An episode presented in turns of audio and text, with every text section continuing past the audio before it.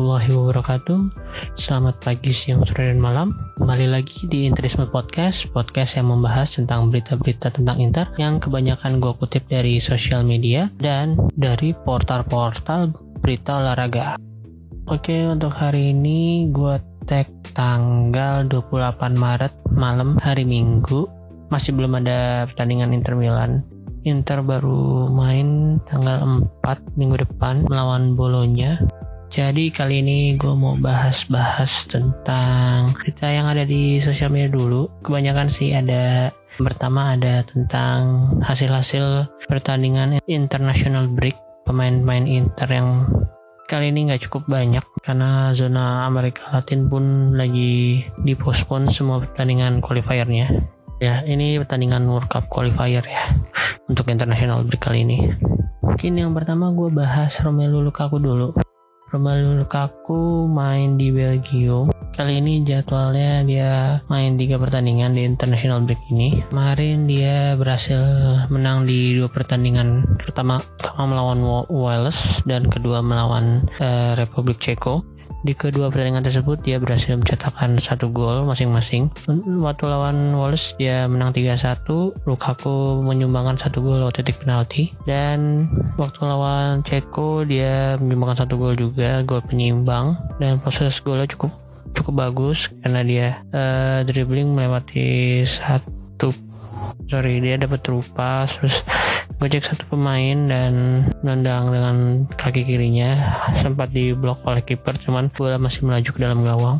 Dan pertandingan ketiga uh, dia akan melawan Belarusia tanggal 30 jam 9 kurang 15 waktu setempat. Harusnya sih lawan Belgia lawan Belarusia Belgia nggak perlu ya nurunin Lukaku 90 menit. Atau nggak usah dimainin sama sekali ya semoga.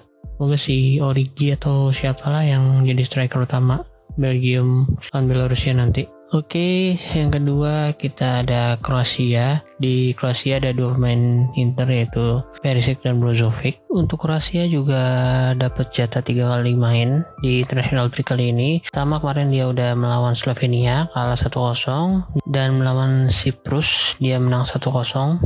Di pertandingan lawan Slovenia, Perisic dan Brozovic main full 90 menit, sedangkan di pertandingan lawan Cyprus kemarin hanya hanya Brozovic yang main full 97 menit dan Perisic cuma main 77 menit kemarin. Pertandingan selanjutnya Kroasia akan melawan Malta tanggal 30 sama kayak uh, Belgia jam 8.45 waktu setempat dan kabarnya pelatih Kroasia ini si Zlatko Dalic katanya sih nggak akan menurunkan Brozovic atau akan mengistirahatkan Brozovic dan Luka Modric nah berdua pemain itu udah main 90 menit penuh di dua pertandingan sebelumnya kalau untuk Perisic sih kayaknya masih akan diturunkan oleh si Dalic ini Kayaknya sih kalau pelapis Perisic sih kalau di Kroasia harusnya si anti Rebic ya. Ya semoga anti Rebic besok yang main lebih banyak lah.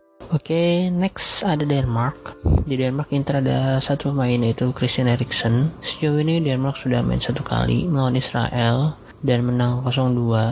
Di pertandingan itu Eriksen main full 90 menit dan saat gue take ini sebenarnya si Denmark lagi main lawan Moldova. Udah half time nih skornya sementara 5-0 cuman di starting line up 11 pemain pertama nggak ada nama Christian Eriksen, Simon Jair sama Martin Braithwaite. Kayaknya diistirahatkan oleh pelatih Denmark. Karena di pertandingan selanjutnya Denmark akan menghadapi Austria yang, yang cukup berpotensi jadi kuda hitam untuk World Cup qualification zona Eropa ini. Kan ada nama-nama kayak David Alaba, Valentino Daniel Lazaro, Stefan Leiner, dan Marcel Sabitzer. Cuman sih di atas kertas harusnya Denmark uh, masih bisa mengatasi Austria karena masih ada pemain-pemain bagus lainnya juga kayak Holberg, Christian Poulsen, Martin Braithwaite, uh, Michael Damsgaard, Lasse Schoen. Semoga aja lawan Austria besok Erikson nggak main full full banget ya begitu. Udah leading dengan skor meyakinkan udah ditarik keluar. Karena lini tengah Denmark juga cukup solid untuk rotasinya.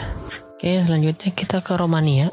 Di Romania ada Ionut Radu meninter yang dipanggil oleh timnas Romania untuk World Cup qualifier kali ini. Kemarin dia udah menang lawan Makedonia Utara di pertandingan itu si Florinitas jadi kiper utama, Ion Trado nggak main sama sekali. Kemudian pertandingan kedua mereka akan lawan Jerman malam ini kayaknya. Kalau di sini jam 8.45 waktu setempat. Uh, kalau dikonversiin ke Indonesia gue kurang tahu jamnya. Dan terakhir Romania akan melawan Armenia tanggal 31 di dua sisa pertandingan Romania ini sih kayaknya Radu tetap nggak akan dimainin oleh pelatih Romania. Karena sampai saat ini Radu juga belum pernah turun ya di pertandingan resmi Inter. Itu yang sedikit membuat ragu pelatih Rumania kayaknya untuk menurunkan Radu langsung di pertandingan kompetitif apalagi ini World Cup qualifier ya. Kalau lawan Jerman sih kayaknya nggak akan dimainin dia. Cuman ya gue sih berharap lawan Armenia dia diberikan kesempatan lah. Apalagi kabarnya nih si Handanovic sebenarnya udah dikabarkan. Baru aja hari ini dikabarkan udah negatif covid ya. Sedangkan tiga pemain lainnya si The Fridge, Vecino dan D'Ambrosio masih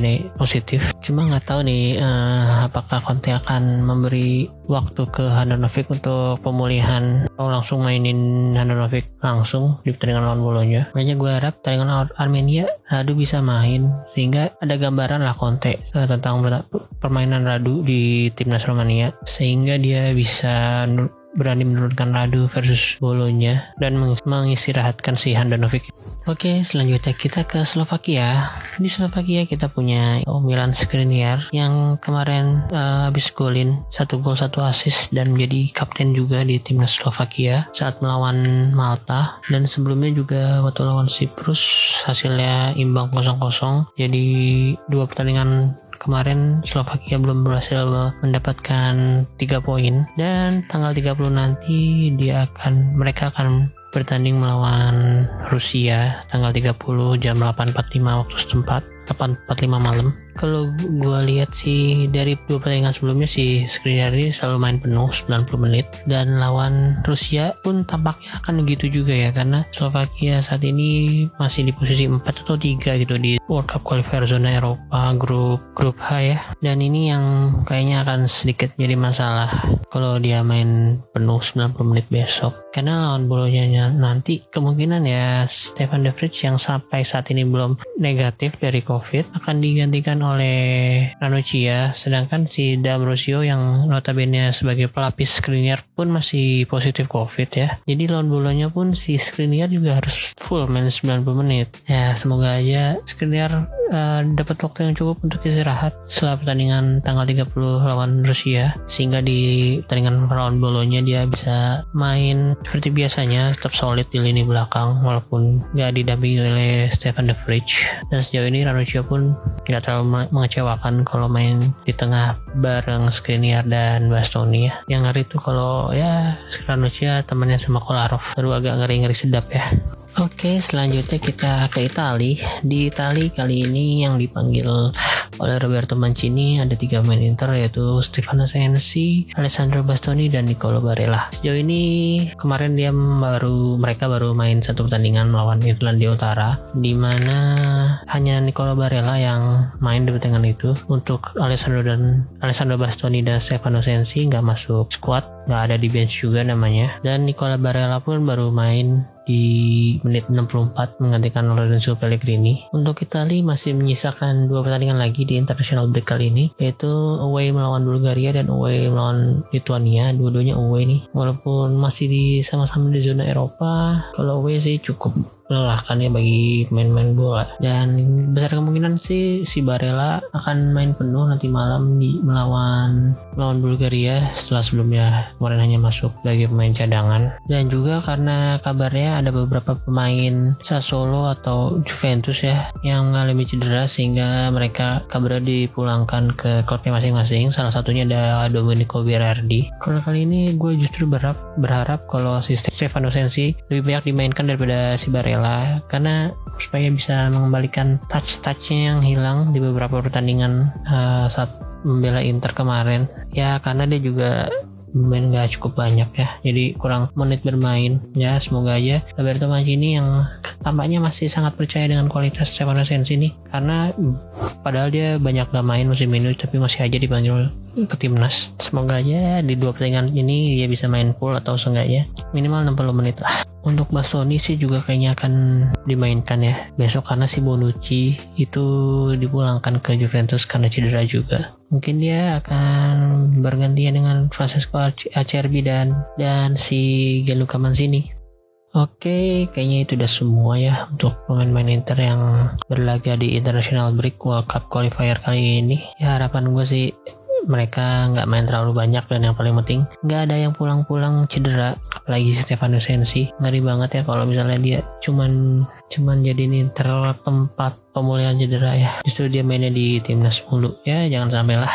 Oke, kita ke berita selanjutnya yaitu yang lagi yang lagi banyak diperbincangkan juga di timeline sosial media. Karena Inter sudah mengumumkan kalau hari Selasa nanti tanggal 31 Maret atau awal April ya kayaknya 31 Maret sih. Uh, mereka akan meluncing logo baru yang sebenarnya udah beberapa kita lihat di sosial media udah bertebaran juga rumornya. Kalau logonya akan lebih simpel seperti yang kekinian lah atau zaman now kayak Juventus. Cuman kayak huruf kayak huruf I dan M yang dikelilingi oleh lingkaran dan dan kayaknya akan mayoritas berwarna emas hitam emas. Dan kembali ada akan ada bintangnya lagi setelah kemarin bintangnya sempat dihilangin dari logo. Kemarin Inter merilis video teasernya yaitu video perubahan atau transformasi logo-logo Inter dari tahun ke tahun. Mungkin gue akan sedikit membahas secara cepat logo-logo Inter.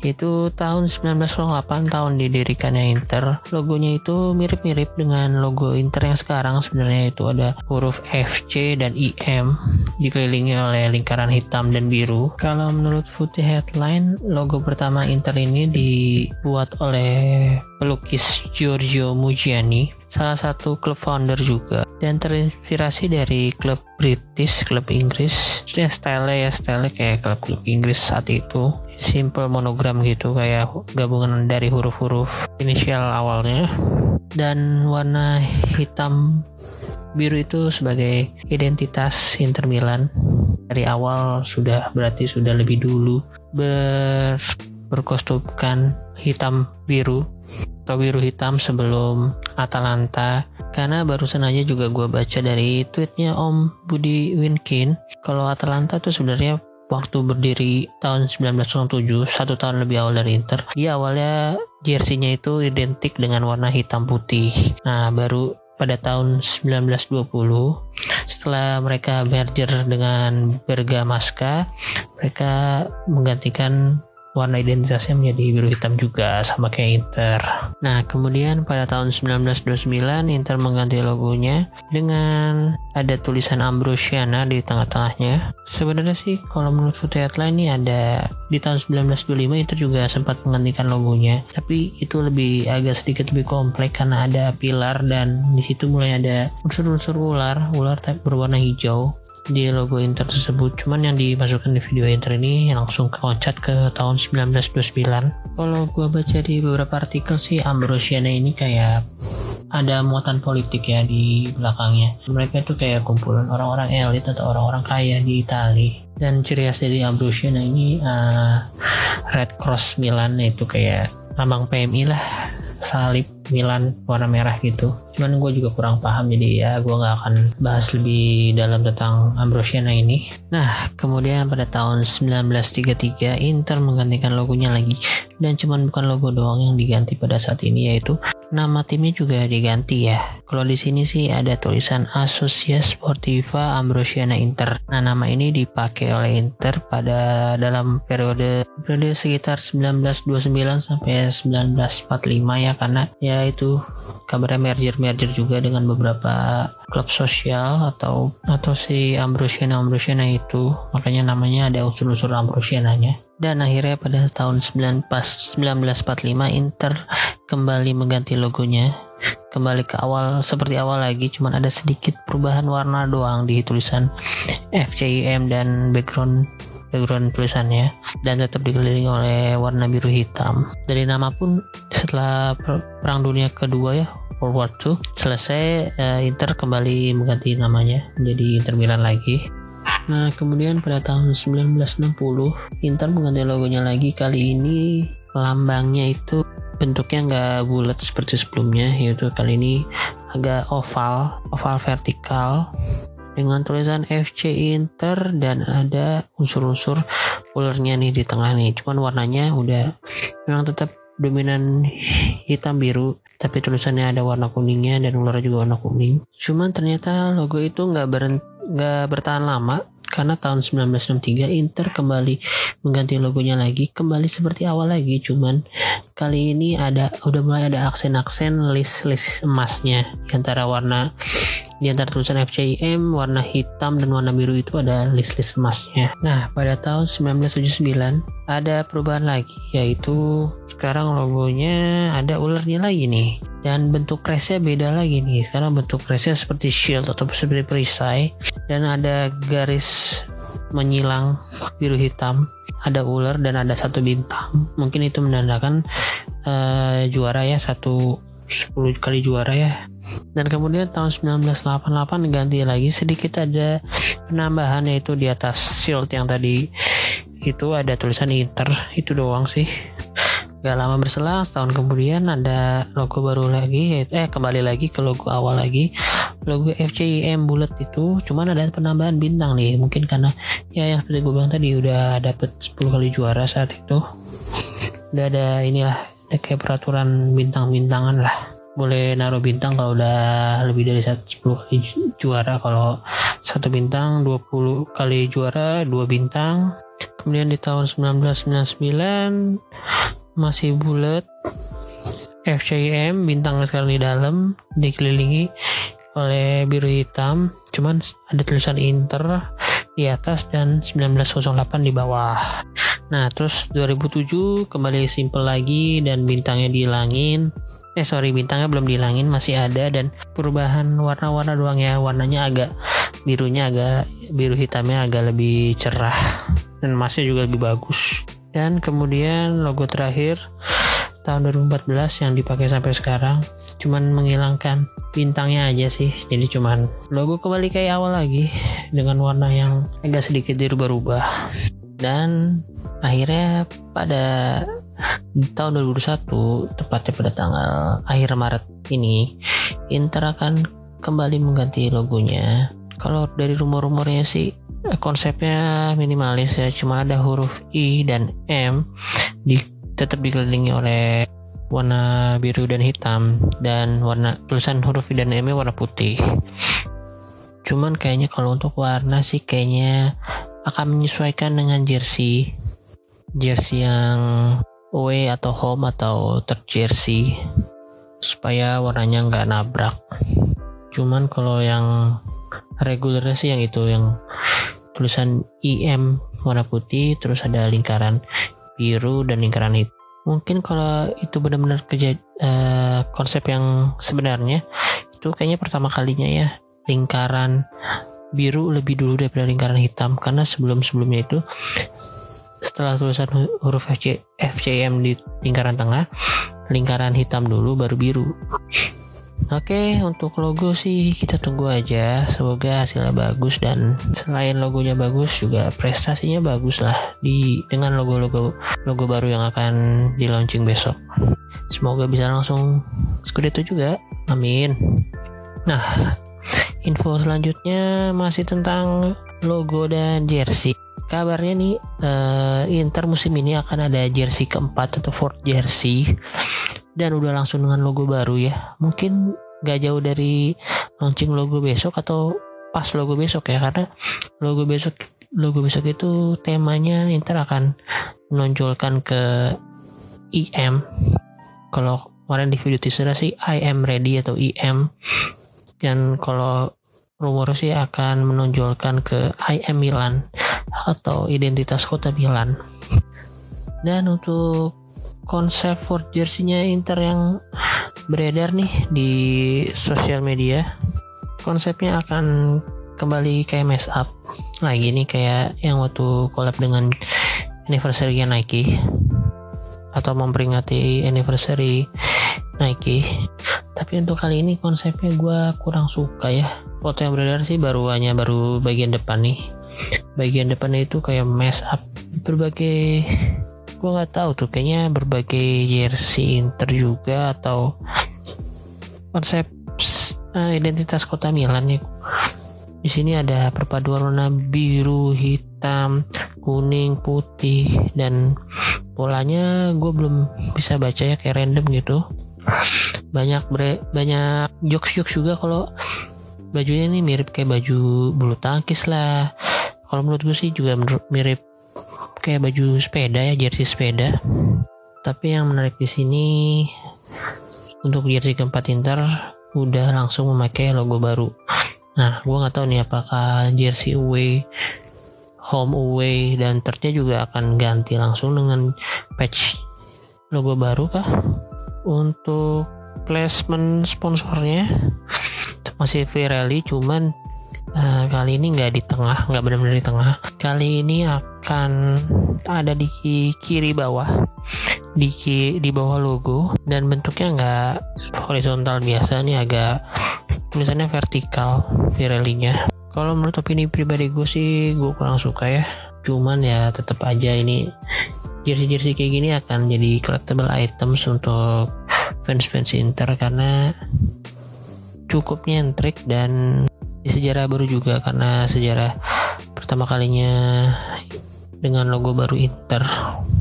Nah, silakan dibelilah untuk kalian yang memang benar-benar kolektor jersey Inter atau memang ingin membantu finansial Inter Milan ya karena gue juga kalau memang ada uang lebih pasti gue akan tabungnya sedikit untuk membeli merchandise merchandise Inter. Karena cuman itu yang bisa kita lakukan sebagai fans Inter dari di Indonesia. Kita agak sulit untuk langsung nonton di stadion apalagi dengan kondisi begini. Ya salah satu cara untuk tetap bisa mendukung Inter ya dengan memberi membeli merchandise atau jersey jersey originalnya. Dan ngomong-ngomong juga ini pas banget baru gajian nih. Kayaknya Inter sengaja nih mau launching jersey dan logonya setelah tanggal-tanggal gajian. Konspirasi ini kayaknya. Oke segitu aja. Kalau menurut kalian logo mana yang favorit atau memorable, memorable bagi kalian? Kalau menurut gue sih kalau bagi gue sih logo tahun 2007 itu yang paling baik bagus menurut gue kalau nggak salah tuh di tahun 2007 itu apa di tahun itu doang ya kayaknya ya. di bawah logo juga ada tambahan tulisan aksen FC Internationalis 1908 Nah, kalau kalian yang mana nih? Kalau kalian mau langsung ngasih pilihan kalian, boleh komen atau reply di kolom Twitter gua. Dan buat kalian yang suka podcast ini, jangan lupa untuk di follow akun Spotify-nya dan juga di share ke sosial-sosial media kalian agar teman-teman interesti kalian juga bisa mendengarkan podcast ini dan kalau menurut kalian podcast ini masih banyak kekurangan dan gue yakin itu pasti, boleh kalian bantu dengan kasih saran dan masukan ke gue. Boleh lewat DM, boleh lewat reply langsung. Gue akan sangat menerima saran dan masukan dari kalian. Dan terima kasih banget untuk akun-akun Twitter yang selama ini meretweet tweet gue appreciate dan respect banget gue untuk kalian semua. Terima kasih banget. Dan yang pasti terima kasih untuk kalian semua yang udah mau dengerin Adi Fidersi Forza Inter